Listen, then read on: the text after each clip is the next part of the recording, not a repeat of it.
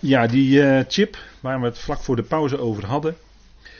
Dat is eh, iets dat eh, al ver is doorontwikkeld, om het zo maar te zeggen.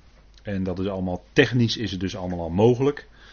Ehm, om daarmee dus iedereen een chip te geven en daardoor ook de. Natuurlijk, dat is het instrument om te komen tot de totale controle over de mensheid.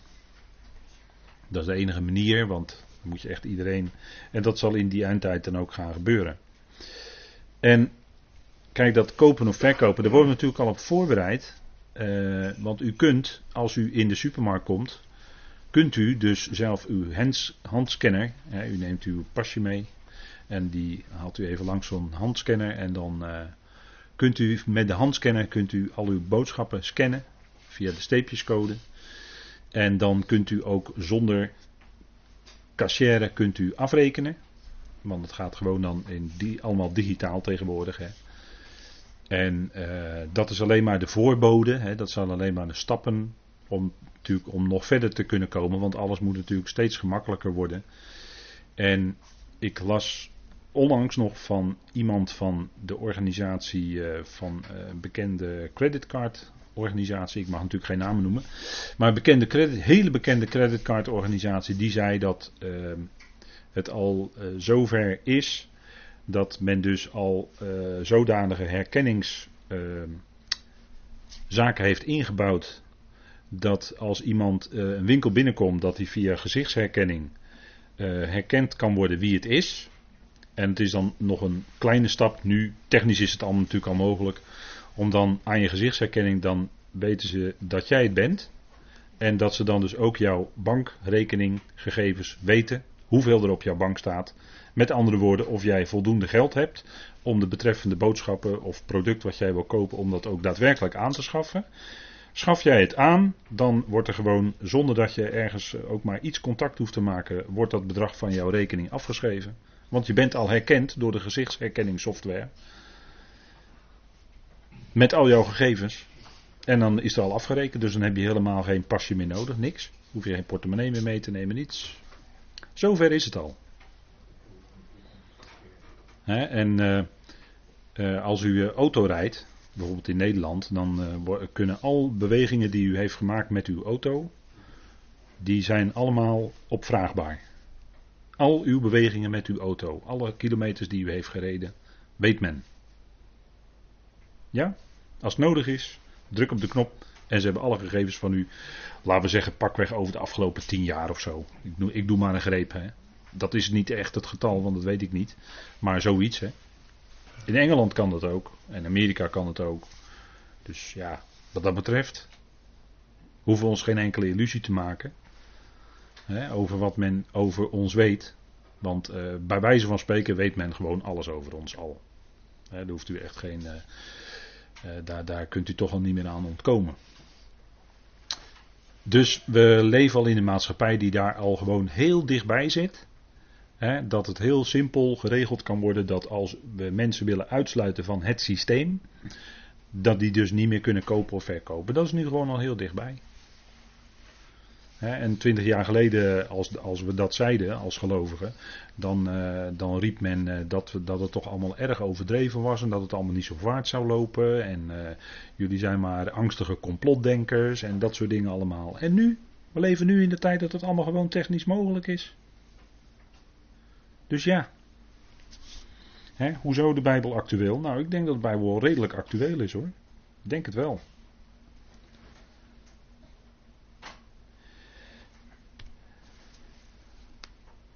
Kijk, en dat merkteken, daarvan vinden we in de openbaring diverse uitdrukkingen. En het is goed, goed om die toch even, heel even afzonderlijk van elkaar op te merken. Alleen het woord merkteken op zichzelf staand wordt genoemd dus in openbaring 13. En laten we die teksten heel even met elkaar opzoeken. Openbaring 14.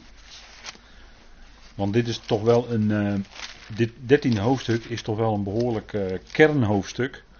Waar dan later, in latere hoofdstukken van openbaring weer op teruggegrepen wordt. Dus dan kom je dezelfde dingen weer tegen. dan wordt gerefereerd aan iets dat je al in het dertiende hoofdstuk had gelezen. Zo ook openbaring 14 vers 9. Daar zien we een derde boodschapper volgde hen, die met luide stem zei: Als iemand het beest en zijn beeld aanbidt, en het merkteken op zijn voorhoofd of op zijn hand ontvangt, dan zal hij ook drinken van de wijn van de verontwaardiging van God, die onvermengd is ingeschonken in de drinkbeker van zijn verontwaardiging, en gepeinigd worden in vuur en zwavel voor het oog van de heilige boodschappers en van het lam. Nou, hier wordt dus dat, degene genoemd die dat merkteken hebben, hè, dat die dus uh, onder dat gericht van God gaan komen. Openbaring 16, vers 2. En dan gaan we natuurlijk in de toekomst, als we daar aan toe kunnen komen, als God ons tijd geeft, dan gaan we daar natuurlijk nog uitgebreider op in. Maar openbaring 16 vers 2 staat, en de eerste ging en goot zijn schaal uit over de aarde. En er kwam een kwaadaardige en schadelijke zweer bij de mensen, die het merkteken van het beest hadden en die zijn beeld aanbaden. En uh, dit is natuurlijk een plaag en er komt uh, een uh, schaal, hè, er wordt een schaal uitgegoten.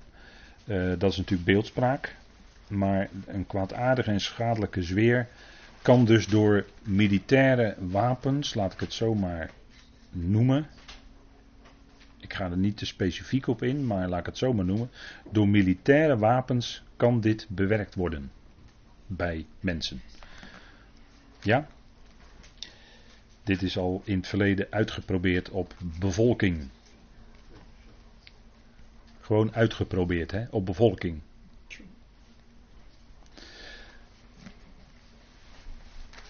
Even kijken, openbaring 19 vers 20. Openbaring 19 vers 20.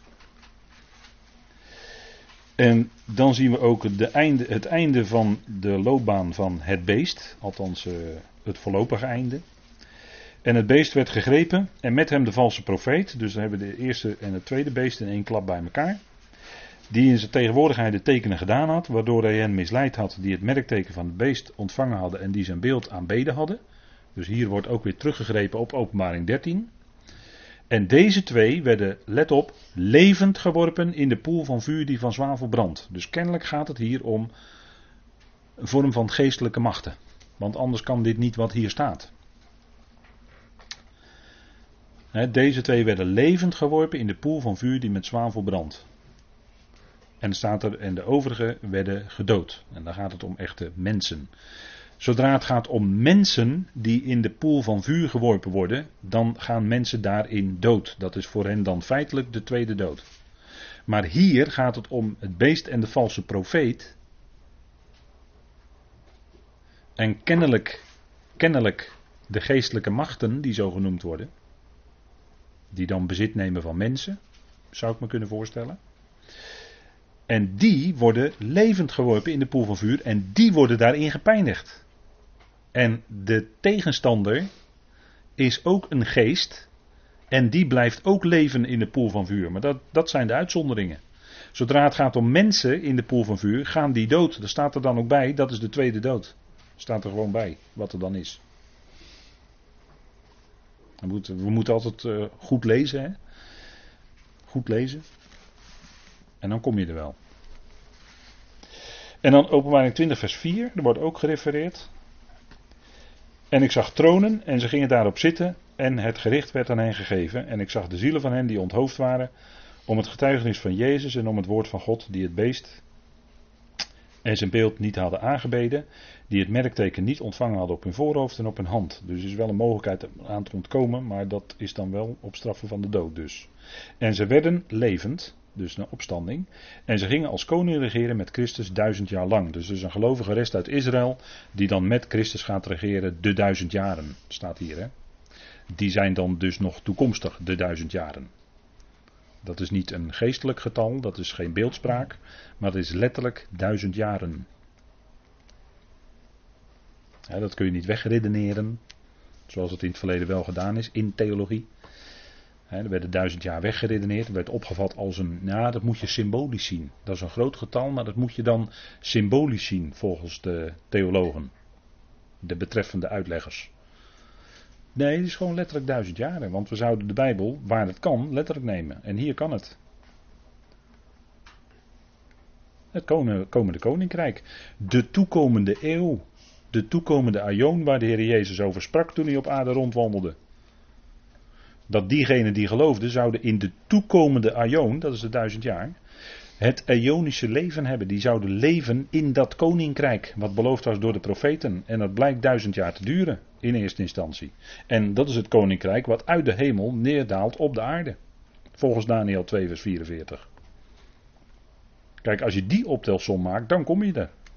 En anders loop je hopeloos vast met je theologie. Want dan zou het duizendjarig rijk, volgens de kerk, duurt nu al 2000 jaar, hè?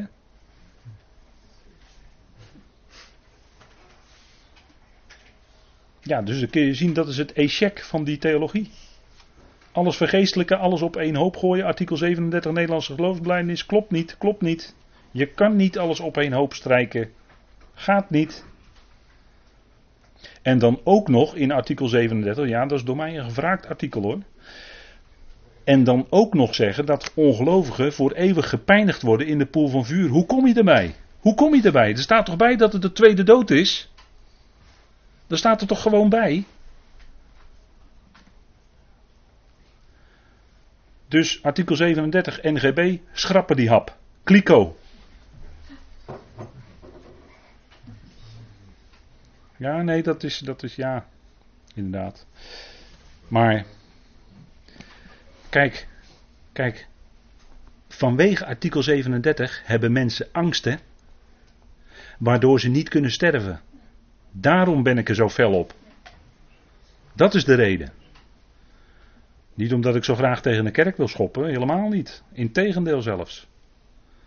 Maar als het gaat om het onderricht wat gegeven wordt, en als dat niet bijbels is, ja, wacht even, wacht even.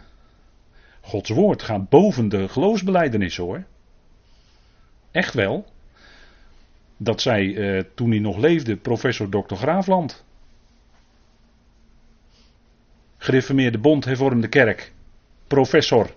Die zei, we zouden de geloofsbelijdenissen moeten toetsen aan de schrift. Dus ik bevind mij in hooggeleerd gezelschap als ik dat zeg. Vraag het maar aan dokter J. Veenhof, emeritus hoogleraar dogmatiek van de VU. Die zou precies hetzelfde zeggen. Die weten het hoor, ze weten het wel. En dokter J, eh, dominee J. Bonda heeft er ook over geschreven in zijn boek.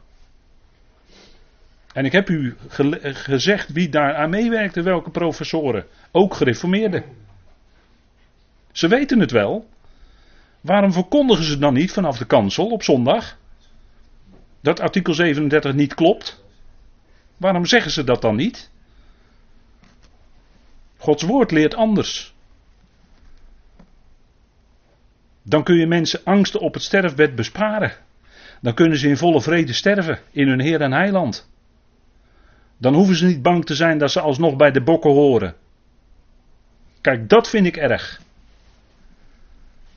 En daarom hebben we zo'n geweldig evangelie wat we kunnen doorgeven.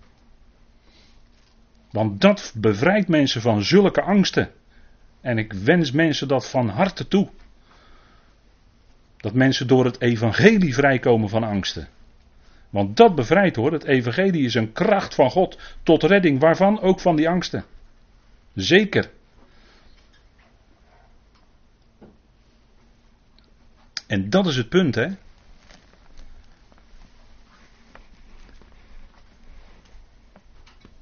En daarom spellen we ook dat woord. Hè? Daarom zeg ik daar ook specifiek bij. Als er mensen in de poel van vuur geworpen worden. Dan is dat voor die mensen de tweede dood. Waarin ook geen bewustzijn is. Net als in de eerste. Is geen bewustzijn, zegt de schrift.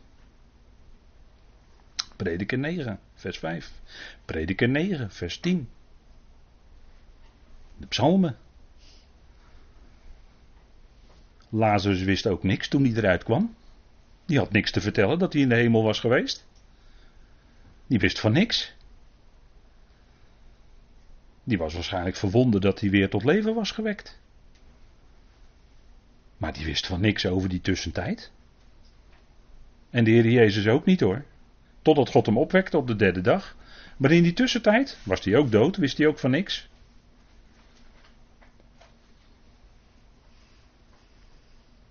Toen heeft hij ook niet gepredikt aan de geest in de gevangenis hoor. Dat betekent heel wat anders. Ik weet wel wat de probleemteksten zijn. Maar dat is allemaal inleg. Geen uitleg, maar inleg. Dan probeer je je eigen redenering vol te houden tegen het getuigenis van de schrift in. Dat de doden leven, ja, dat zei de slang in de hof al. De aloude leugen. Je zult niet sterven, zei de slang. Oh ja, je zult wel sterven, zegt de schrift, dat zei God toch ook? Dat er in de dood geen bewustzijn is. Dat de doden van niets weten. Dat staat in de schrift. En niet verhaaltjes uh, mensen voorhouden van de onsterfelijkheid van de ziel, want dat is een heidense leer en we weten van wie vandaan komt. Ik heb het net al gezegd. Niet alleen Plato zei het, maar nog veel ouder is het. Die met die gespleten tong, die tuinslang, weet u wel? Die zei het. Ja, dan kun je natuurlijk gaan discussiëren. Geelkerken, hè, 1922. Kan je erover gaan discussiëren of de slang dat wel of niet in de hof gesproken heeft. Alsjeblieft zeg, alsjeblieft, kom nou toch. Er staat er gewoon in de Bijbel dat hij sprak. En of dat nou door een geestelijke macht was, ja of nee, dat doet er dan toch even niet toe. En die, eh, die ezel, Biliam, ezel, die sprak toch ook, geloof ik? Hè? Toch, ja? Dus het kan wel, hè, in de Bijbel. Ja, in de Bijbel kan het ineens wel. Toch. Volgens de hooggeleerde heren in 1922 niet, maar. Maar ja, goed, het was dan uh, op Geelkerkense konto. Die zal er zich dan. Die zal er te zijn tijd met de Heer wel over spreken. Of de Heer met hem, denk ik. Nou, even omdraaien, hè? dan gaat de Heer met hem spreken. En gaat de Heer zeggen: Kijk joh, al die tijd stond het al in de schrift. Maar kijk, die mensen, die ondergaan daar de tweede dood. God zij dank is het de dood. En geen pijniging, alsjeblieft zeg. Je maakt van God dan zo'n enorm karikatuur. En dat is nog erger dan. Dat is nog erger dan die angsten van die mensen. Die vind ik ook verschrikkelijk. Maar dat je van God een karikatuur dan gaat maken. alsof die ongelovige zo lang zou pijnigen in de hel. Dat is blasfemie ten top. Maar dat is ook niet wat de schrift zegt. We moeten wel gewoon volgen de woorden van de schrift.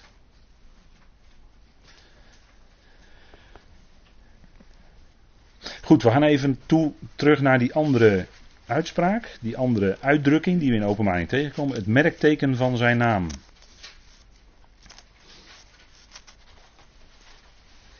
Het merkteken van zijn naam. Dat vinden we in openbaring 14. Dan bladeren we even terug. Naar openbaring 14. En dat is ook weer zo'n moeilijke tekst.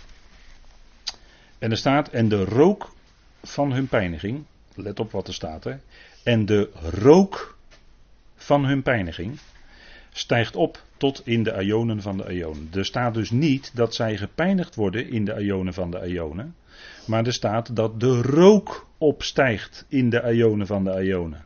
Dat is een beeldspraak. Dat is een beeldspraak. Hij moet goed lezen. En zij die het beeld van zijn beest, uh, en zij die het beest en zijn beeld aanbidden, hebben dag en nacht geen rust, evenmin als iemand die het merkteken van zijn naam ontvangt. dus dat is wat die religie je oplevert. Je hebt dag en nacht geen rust.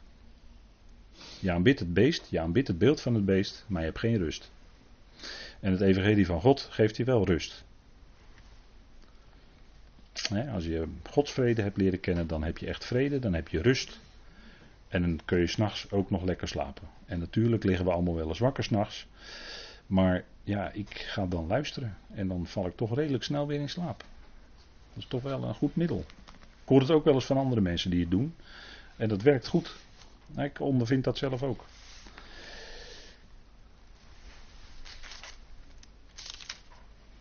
lijkt me een goede keuze als je met die woorden van God in slaap valt. Lijkt me goed dat je daarmee in slaap valt. Goede, goede zaak. En dan openbaring 13 vers 17, daar vinden we de uitdrukking de naam. En het maakt dat niemand kan kopen of verkopen behalve hij die het merkteken heeft of de naam van het beest of het getal van zijn naam. Dus er wordt alleen de naam genoemd. Of het getal van zijn naam. Hè. Ook hier openbaring 13 vers 17. En ook in 15 vers 2 lezen we ook nog even met elkaar. Dat zijn allemaal teksten na hoofdstuk 13 waarin gerefereerd wordt. En ik zag iets als een glazen zee met vuur gemengd en de overwinnaars van het beest, van zijn beeld, van zijn merkteken en van het getal van zijn naam stonden bij de glazen zee met de cieters van God. Nou, dus al diegenen die worden hier opnieuw genoemd. Hè. Dus we zien dat dat een belangrijk punt is. Dus dat merkteken ontvangen, want het is natuurlijk nogal wat dat die hele mensheid die dan leeft, zo'n merkteken ontvangt en dan voluit als hele mensheid komt tot aanbidding van de draak in feite. En dan een ander aspect, heb ik op deze dia even naar voren gebracht. Het belang van de naam van de Heer in openbaringen wordt genoemd. En dat is dan even een korte bloemlezing. Er staat in openbaring 3 vers 8, u kunt zo van deze dia meelezen. Hij heeft mijn naam niet gelogend, wordt een, tegen een van die overwinnaargroepen gezegd hè, in uh, openbaring 2 en 3 tegen die uh, mensen van de zeven gemeentes. En openbaring 19, en hij had een naam die opgeschreven was en die niemand kende dan hijzelf. Openbaring 19 vers 12. Zijn naam wordt genoemd woord van God. Openbaring 19 vers 13. Dan komt hij, Christus Jezus, die komt dan als de ruiter op het witte paard. De grote tegenhanger vonden we al in openbaring 6. Dat is dan de valse Christus als ruiter op het witte paard. Maar in openbaring 19 komt de Zoon van God, onze Heer Jezus Christus, als de ruiter op het witte paard. En zijn naam is dan het woord van God. En openbaring 19, vers 16 zien we dan ook. En op zijn zij een naam geschreven, koning van de koningen en heer van de heren. Dat is hij, hè. Dat blijkt hij dus volgens openbaring te zijn. Koning van de koningen en heer van de heren. Dan zal hij regeren over al die koningen. Hij zal heer zijn over al die heren. En zo wordt hij onthuld. Hè? Want het gaat in openbaring om de onthulling van Jezus Christus. Hij wordt onthuld. Hè? Hij is 2000 jaar lang als het ware bedekt. Hij is weg. Hij, hij is niet te zien. Hij is bedekt. Maar de bedekking wordt weggenomen. Dat zegt het woord apocalypsis ook. Hè? Dat betekent uh, vanaf dekking, letterlijk. Hè? Of de bedekking wegnemen. En als die bedekking wordt weggenomen. En dat kan ook met een mensenhart gebeuren. Daar spreekt Paulus over. Daar spreekt Paulus over. Dat als de bedekking wordt weggenomen, een mensenhart, en je gaat echt zien waarover het woord spreekt, namelijk over hem die komen zou. Ja, dan gaat er ineens van alles leven van binnen. En dan gaat het tintelen, dan komt de vreugde in je hart. Een vreugde die nooit meer weggaat. En dan ga je in de schriften ga je hem herkennen. Want het draait om hem in de schrift. Het evangelie van God is aangaande zijn zoon, Jezus Christus onze Heer, zegt Paulus. De beloften waren van het zaad van Abraham, van het zaad van David. Wie is dat? Dat is de Heer Jezus Christus. Enkelvoud, zegt Paulus. In, Paulus is altijd heel nauwkeurig. Hè? De Heer Jezus ook nauwkeurig hoor. Maar Paulus is heel nauwkeurig. Die zegt, staat dit enkelvoud? Zaad, enkelvoud, dus het is de Christus. Galaten 3 vers 16. Dat is een mooi woord hoor. En het gaat om de Christus. Natuurlijk. De eerstgeborene in de schrift, daar gaat eigenlijk Genesis over, hè? de eerstgeborenen. Maar dat wijst eigenlijk op de grote eerstgeborene. Dat is hij. Colossense 1, lees maar na. Hij is de eerstgeborene van heel de schepping, alsjeblieft. Hij is de eerstgeborene uit de doden. Fantastisch, wat een evangelie. Want als hij de eerstgeborene is uit de, uit de doden, dan komt die hele rest dus ook. Dus, dat is zo simpel. Dat is gewoon 1 plus 1 is 2. He? Dat leer je al in eh, groep 3 van de basisschool. He, dat was vroeger groep 1 van de lagere school. Klas 1 lagere school. Vroeger is nu groep 3 basisschool. Ja, zo is het he, ongeveer. Maar daar leer je rekenen. 1 plus 1 is 2. Simpel hè. Kan je in de Bijbel ook doen. Het is al, eigenlijk allemaal niet zo moeilijk. Maar ja, wij mensen maken het wel eens moeilijk. En er is hier en daar ook wat misleidende geest aan het werk. Dus ja, dan wordt het weer ingewikkeld. Maar goed. Tegenstelling in namen. Het draait om hem in de schrift. Hem met een hoofdletter. En de tegenhanger, die vinden we dus in openbaring. Dat is de culminering van de mens, de mensheid, zonder Christus, zonder geloof. Dat is de valse Christus, hè? dat is de, ja, of, of de wetteloze, hoe je het ook noemen wil. Maar daar wordt in name ook een tegenstelling komt naar voren, namelijk, dat hebben we al gelezen in openbaring 13, op zijn horens tien diademen en op zijn hoofd namen van lastering. Dat is de tegenhanger van de namen van de. Hè? U ziet dat de tegenstander de grote naaper is. Hè, want die geeft ook allerlei namen, maar dan lastelijke namen, blasfemische namen. En van onze Heer wordt gezegd in openbaring 19, op zijn hoofd veel diademen. Ik heb hier ook een plaatje van een voorbeeld van een diadeem gegeven, een kroontje. Met namen daarop geschreven. dat is natuurlijk onder andere dat hij het woord is. En zo zijn er van de Heer heel veel namen te noemen. En wat denkt u ervan? Redder. Hij is de redder. Verlosser. Levendmaker.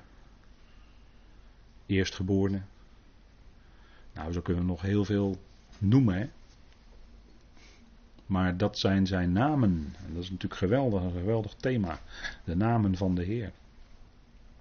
In de eindtijd krijgen we dus die tegenhanger. En dan openbaring 3. Daar zien we dus verschillende namen voor de gelovigen. Maar dat is ook een tegenhanger. Namelijk al diegenen die dus de naam van het beest op het voorhoofd krijgen. de naam van het beest komt op het voorhoofd van hen die op de aarde wandelen. Al diegenen die, die dat merkteken kregen, krijgen tegelijkertijd waarschijnlijk ook iets van die naam mee. Dus die dragen dan die naam van het beest op hun voorhoofd. Het is wat. het is wat. En van de 144.000, en dat is dan openbaring 14, want dan komen opnieuw die 144.000 naar voren, dus daar gaan we het over hebben.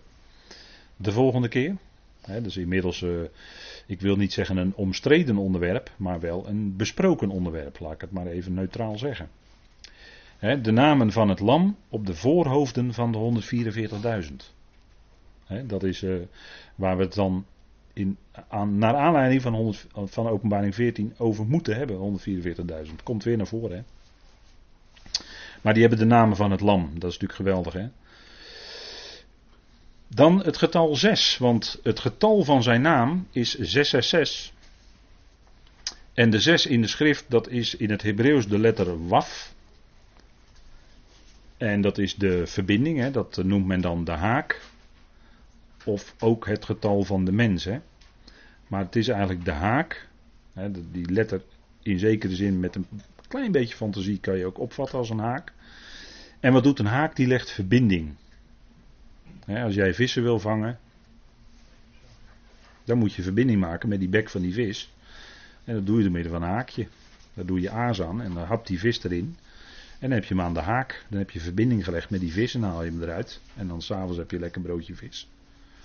Of je gooit hem weer terug. Kan ook. Maar de haak spreekt van verbinding. En die letter waf in het Hebreeuws, die is niet onbelangrijk, want die drukt uit eigenlijk wat wij vertalen als het woordje en. zo zul je zien dat als je Genesis 1 in het Hebreeuws leest, dan uh, in de vertalingen wordt het allemaal heel mooi omgewerkt. Want ja, het moet een beetje mooi Nederlands zijn, een beetje poëtisch-achtig. En er worden allemaal verschillende woorden gebruikt. Maar het Hebreeuws is gewoon, zeggen wij dan heel droog. Het is allemaal en, en, en. En God zeide, en God deed, en God zeide, en God zeide, en God zei, en God zei. Zo gaat het heel Genesis 1 door. Het is allemaal gewoon en. Dat is gewoon typisch Hebreeuws. En dat zie je ook wel eens in de verhaaltrand als er iets verteld wordt. In de Evangelie bijvoorbeeld, dat dan steeds wordt en. Hè, dan wordt het wel anders vertaald. Maar als je dan een grondtekst is heel vaak en, en, en, en, en. Verbindingswoord, heel belangrijk. Uh, er wordt gezegd dat deze letter de middelste letter is van de hele Torah. En de Torah is dan de eerste vijf boeken van de Bijbel. En dan ergens in Leviticus, de middelste letter, die staat er ook heel groot in het Hebreeuws. Die springt er echt bovenuit. Hebben de, hebben de overschrijvers bewust gedaan. Die hebben geteld. En dat is dan, de waf is precies de middelste letter. Dus de verbinding.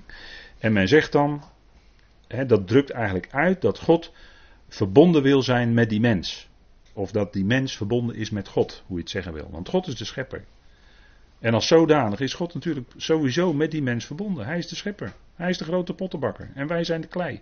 Maar we zijn in zijn handen. En hij modelleert ons naar dat hij ons hebben wil. En dan maakt hij instrumenten tot eer en tot verontwaardiging. Ja, ik, ja, dit zegt. Sorry, maar dat zegt Romeinen 9. Kan ik ook niet helpen. He, Romeinen 9. Vers 21, 22, 23. Dat God instrumenten maakt tot eer en tot oneer. Ja, dat, hij heeft ook de goddelozen gemaakt voor de dag van het kwaad, hè, staat in spreuken. Ja, dat is, dat is ook Gods werk. Ja, ik kan het niet helpen, maar het staat er allemaal. God is de grote pottenbakker. En de farao was ook zo'n willoos instrument in zijn hand hoor. Farao zei: Ik wil niet, maar hoe kwam dat? Het kwam omdat God zijn hart verhardde. Dat, dat is nog eens heel goed uitgeplust in. Uh, dat hebben we hier wel eens besproken.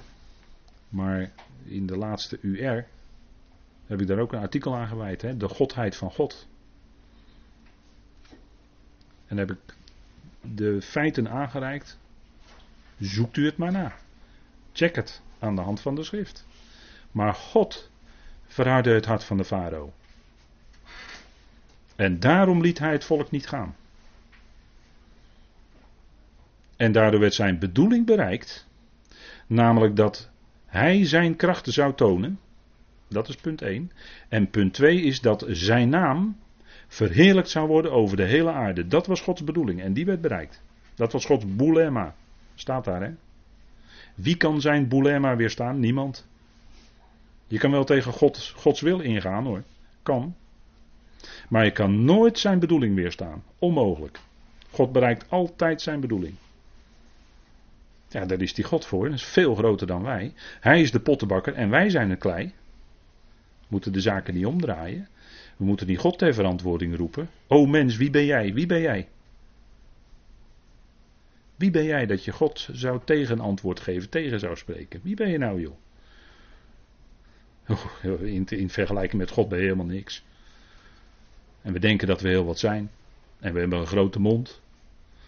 Maar in werkelijkheid zijn we helemaal niks. En zijn we gewoon klei in de handen van de pottenbakker. Wij die tevoren bestemd zijn, wij die tevoren gekend zijn, die geroepen zijn, gerechtvaardigd, verheerlijkt. Vijf punten, hè, Romeinen 8. En dat, wie doet dat? God. Hebben wij daar iets in te betekenen dan? Nee, niks. Wij kunnen daar niks in veranderen. Wij kunnen daar niks in doen. Dat doet God allemaal. God roept. God bestemde tevoren. God kende tevoren. Hij rechtvaardigt. Hij verheerlijkt. Kijk, zo, zo zit het. Dat is de soevereiniteit van God. Wij hebben niks in te brengen. Antwoorden zijn er wel in de schrift hoor, als je de schrift wil volgen. Dan krijg je antwoord.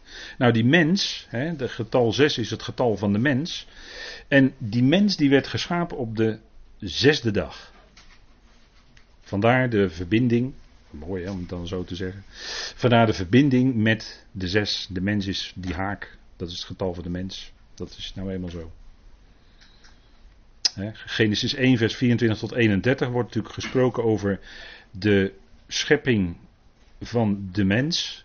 God zei, laat ons mensen maken, letterlijk in ons beeld en in onze gelijkenis. En dan wijst het eigenlijk de tekst naar Christus hè, daar.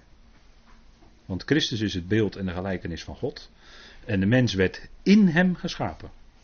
Er staat de letter beet in het Hebreeuws en dat betekent in. Dus de mens werd in zijn beeld geschapen en in zijn gelijkenis.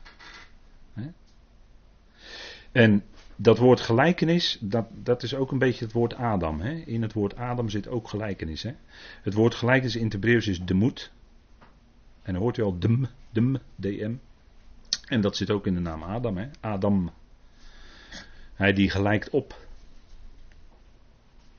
En er zit ook dam in, dat is bloed.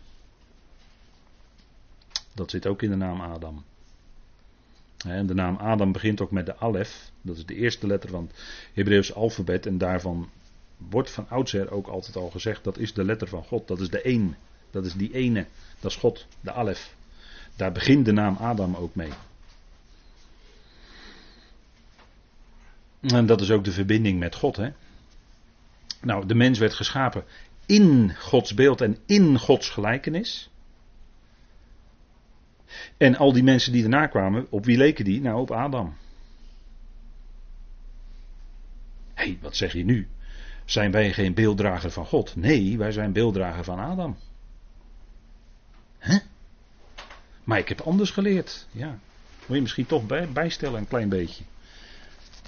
Weet u waar dat staat? Dat staat in 1 Korinthe 15. Zal ik met u lezen. 1 Korinthe 15.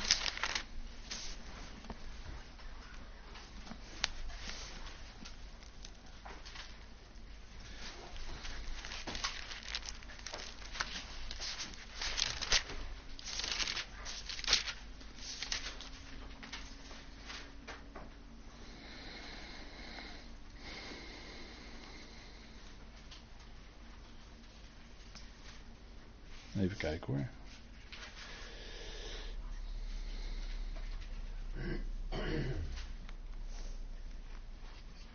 Vers 47. De eerste mens is uit de aarde, stoffelijk, oftewel van de aardbodem. En de tweede mens is de Heer uit de hemel. dat is dus de tweede mens. Dus de eerste was alleen maar een type van de tweede natuurlijk, die komen zou. Zoals de stoffelijke is, zo zijn ook de stoffelijken. En zoals de hemelse is, zo zijn ook de hemelsen. En zoals wij het beeld van de stoffelijke gedragen hebben, ziet u het? Dat is het beeld van Adam. Wij hebben het beeld van Adam gedragen. Zo zullen wij ook het beeld van de hemelse dragen. Van de Heer. We zullen omgevormd naar zijn beeld. Staat toch ook in Romein 8, hè? Dat de Heer bezig is ons om te vormen in het beeld of naar het beeld van de Zoon. Ziet u dat wij het beeld van de stoffelijke zijn? We zijn dus niet beelddragers Gods, maar beelddragers van de stoffelijke van Adam. En wij zullen, dat is de belofte, wij zullen, dat is zeker, dat gaat zeker vervuld worden. Wij zullen ook het beeld van de letterlijk ophemelse dragen. Die heerlijkheid. Wij zullen omgevormd worden naar de heerlijkheid, hetzelfde heerlijkheidslichaam als de zoon nu heeft. Dat is fantastisch hè. Wat een evangelie. Wat een evangelie. En dat gaat natuurlijk uiteindelijk gebeuren voor alle mensen. Hè? Maar Genesis 1 spreekt dus over de schepping van de mens en dat gebeurde op dag 6. De zesde dag. Dat is de dag van de mens, maar dan ben je nog niet bij de zeven. Kijk, Noach, nog een voorbeeld. Noach was 600 jaar toen de grote vloed kwam. Toen kwam de verandering. Maar Noach was degene, 600 jaar. En in zijn 600 eerste jaar was de vloed weer voorbij. Ging ook weer voorbij. Maar in feite was Noach met zijn gezin de verbinding, daar heb je hem, vandaar 600, 6, daar zit de 6 in, maakte de verbinding van de oude, om het zomaar even te zeggen, naar de nieuwe wereld. Want er kwam een grote vloed, grote watervloed, de hele mensheid verging, behalve de acht in de ark. Hè. Acht spreekt ook van een nieuw begin. Weet u wel, acht is het getal eigenlijk van een nieuwe schepping, een nieuw begin. Dan ben je voorbij de zeven, deze oude schepping. Maar dat betekent dat Noach en dat wordt dus uitgedrukt in zijn leeftijd, want waarom zou zijn leeftijd anders in de Bijbel vermeld worden? Is anders, anders nutteloze informatie. Dit is een van de redenen waarom het in de Bijbel vermeld wordt, denk ik, zijn leeftijd. Misschien zijn er nog één of twee redenen, maar denk, dit is een belangrijke, waarschijnlijk. Noach, en dat is ook de trooster. Hè? Noach, zijn naam komt van het Hebreeuwse nagam en dat betekent vertroosting. Dat is heel mooi, hè? Dat, daar is ook het woord berouw eigenlijk van afgeleid. Vertroosten, Nacham. Heel mooi. U weet nog wel dat een van de premiers van Israël, die heette Menachem Begin. Nou, in dat Menachem, daar zit dat troosten ook in. Hè? En Noach, als je die naam omdraait, dan heb je genade. Dat is gen. Vind ik eigenlijk wel geinig om te zeggen. Ja. Gen, genade. Prachtig. En dat, dat is ook de achte, die get die letter get. Dan begint het met, uh, daar zit de get in, dus de, de 8 is dat. Verbinding naar een nieuwe wereld, 600. Leuk om te zeggen. Zebulon, Zebulon, dat was de zesde zoon van Lea. En wat zei Lea toen hij geboren werd? U weet wel, Lea had tedere ogen. Ja, NBG vertaling, fletse ogen. Nee, nee joh, staat er niet. Lea had tedere ogen, dat zei iets over haar innerlijk. En zij wilde graag die nauwste verbinding hebben met Jacob. En u kent die geschiedenis wel. Maar de zesde zoon van Lea, die heette Zebulon. En toen zei Lea, toen Zebulon geboren werd, dat betekent zijn naam ook. Dat betekent woning. Nu zal mijn man bij mij wonen, zei ze. En zij hoopte dat zij de eerste zou worden ten opzichte van Rachel. Zo ging die geschiedenis, hè? Dat haar man bij haar zou wonen, vandaar de naam Zebulon. Ja, nou, daar valt natuurlijk nog wel meer over te zeggen, maar dat is nu niet even aan de orde. Maar dat is ook bij de zesde. Dus Lea wilde dan die nauwe verbinding hebben met Jacob. Goed, we gaan heel even iets verkennen in getallen, maar dat is dan heel erg beperkt hoor, want er valt echt veel, veel over getallen te vertellen in de Bijbel. Kijk, het getal 5 is het getal van de verborgenheden, of van iets dat verborgen is. En ik zeg de dingen nu heel snel, ik ga ik er niet dieper op in. Ik noem het alleen even een paar dingen. Verborgenheid, dat is ook de letter He in het Hebreeuws met een venster. Dan komt iets uit het verborgene komt naar binnen toe, of gaat vanuit het verborgen naar buiten, kan je ook zeggen. En het is het getal van de genade. Want er gebeurde iets met die vijf in het leven van Abraham en Sarah toen hun namen werden veranderd. En toen ook Gods genade ten volle in hun leven ging doorwerken. Getal 6 is het getal van de mens. En het getal 7 is eigenlijk het getal van de volheid in deze schepping. En dan zeg ik er zacht bij in deze oude schepping. Getal van de volheid in deze oude schepping. En 7 betekent in het Hebreeuws, dat is uh, de stam Shet, Shin, uh, sorry, Shin Beet. Uh, dat heeft te maken met tevreden zijn of tevredenheid. Dat is eigenlijk de wortel, dat is eigenlijk de grondbetekenis van het Hebreeuwse woord. Hè, wat ook in Shabbat zit bijvoorbeeld. Of in Elishabet. Hè, dat is uh, tevreden, dat heeft te maken met de zeven. En in openbaring vinden wij dat getal 7 natuurlijk op vele manieren terug. Ik heb daarvan een rijtje daaronder erop gezet. Zeven gemeentes, zeven kandelaren, zeven sterren, enzovoort, enzovoort. Zeven diademen, zeven schalen. Nou, er komt allemaal het getal 7. Dat is de volheid, een, bepaalde volheid in deze, deze oude schepping. En het getal 8 is eigenlijk het getal van de nieuwe schepping. Hè. Ben je voorbij de 7. Dus dan kom je in de nieuwe schepping. En zo, werd, zo moest een Joods jongetje moest ook besneden worden, moet ook besneden worden. Dat gebeurt nog steeds hè, door de Mohel, dat weet u wel hè, hoe dat gaat. Anders moet u dat boek van dokter uh, Rabijn de Vries nog maar eens lezen. Joodse riten en symbolen. Mooi boek, staat dan prachtig in beschreven. Maar dan komt de Mohel en die besnijdt een Joods jongetje op de achtste dag. Dat heeft te maken met de nieuwe schepping. Ja, dat is mooi hoor. Zit, dat zit, dat zit vol met typologie dan. En een voorbeeld van 888, want we hebben het nu even over 666 vanavond. Een voorbeeld van 888 is de Griekse getalwaarde van de naam Jezus. Griekse letters hebben ook een getalswaarde, net als Hebreeuwse letters. En als je die bij Jezus optelt, heb je 888. Dat is wel mooi, hè? Geen toeval natuurlijk. En iemand heeft gezegd, ik heb dat nog niet kunnen checken, maar het is een betrouwbare, wat mij betreft een betrouwbare bron, dat als je de getalswaarde van de namen Daniel, Ganania, Michel en Azaria optelt, dat je dan ook 888 hebt is toch wel aardig. Hè? is toch wel aardig. Gelovigen. En Daniel is natuurlijk een type van. Van wie is die een type? Daniel.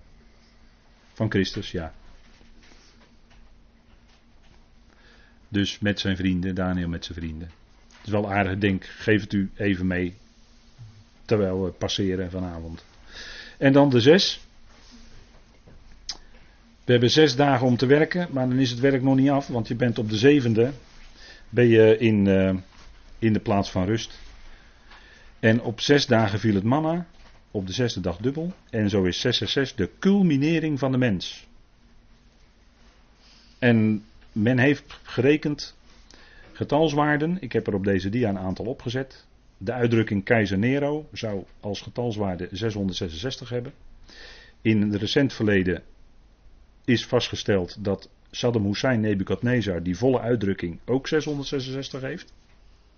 Maar goed, dat is maar een voorbeeld. Hè. Hoe men uh, heeft gedacht over namen. De Romeinse getallen, letters, D plus C plus L plus X plus V plus I is ook 666. Ik geef het maar even mee, aardigheidje. En Goliath, die een type is van de wetteloze, of van de antichrist, voor zover u wilt, of van dat beest. Daar is Goliath wel een type van. Die had 6L als lengte. Zijn speer woog 600, of had 600 sikkels ijzer. En zijn wapenuitrusting had zes onderdelen. Dus bij Goliath overheerst het getal 6 als type van de mens. De Filistijn, want ja, daar komen de Filistijnen. Dat is ook nog wel actueel, hè? Daar komen de Filistijnen. Maar dat heeft ook iets te maken met Amalek. Maar goed. 666 is de mens in zijn culminering. En dat is het hoogste waartoe de mens kan reiken. En dan toch nog schiet hij één tekort aan de zeven. Dan schiet hij toch nog één tekort aan de zeven. En zo zal die mens die dan op de troon gezet wordt, de zoon van het verderf, de wetteloze, de mens van de wetteloosheid, die zal dan de wereldleider zijn en iedereen moet hem dan verplicht aanbidden. En vandaar 666.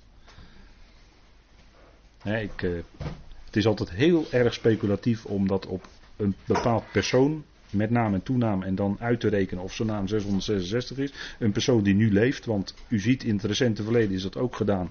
En de betrokkenen is overleden al jaren.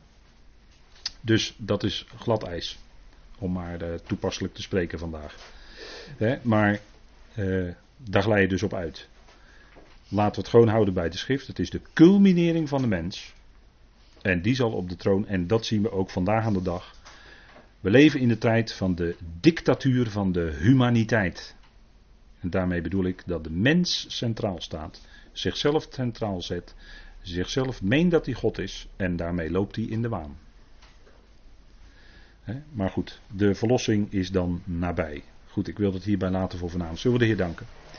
Vader, we danken u dat we ook na deze avond u mogen danken dat we uitzicht hebben, doorzicht, overzicht over uw plan. Dat we mogen uitzien naar dat geweldige moment dat dat lijden omgezet wordt in heerlijkheid.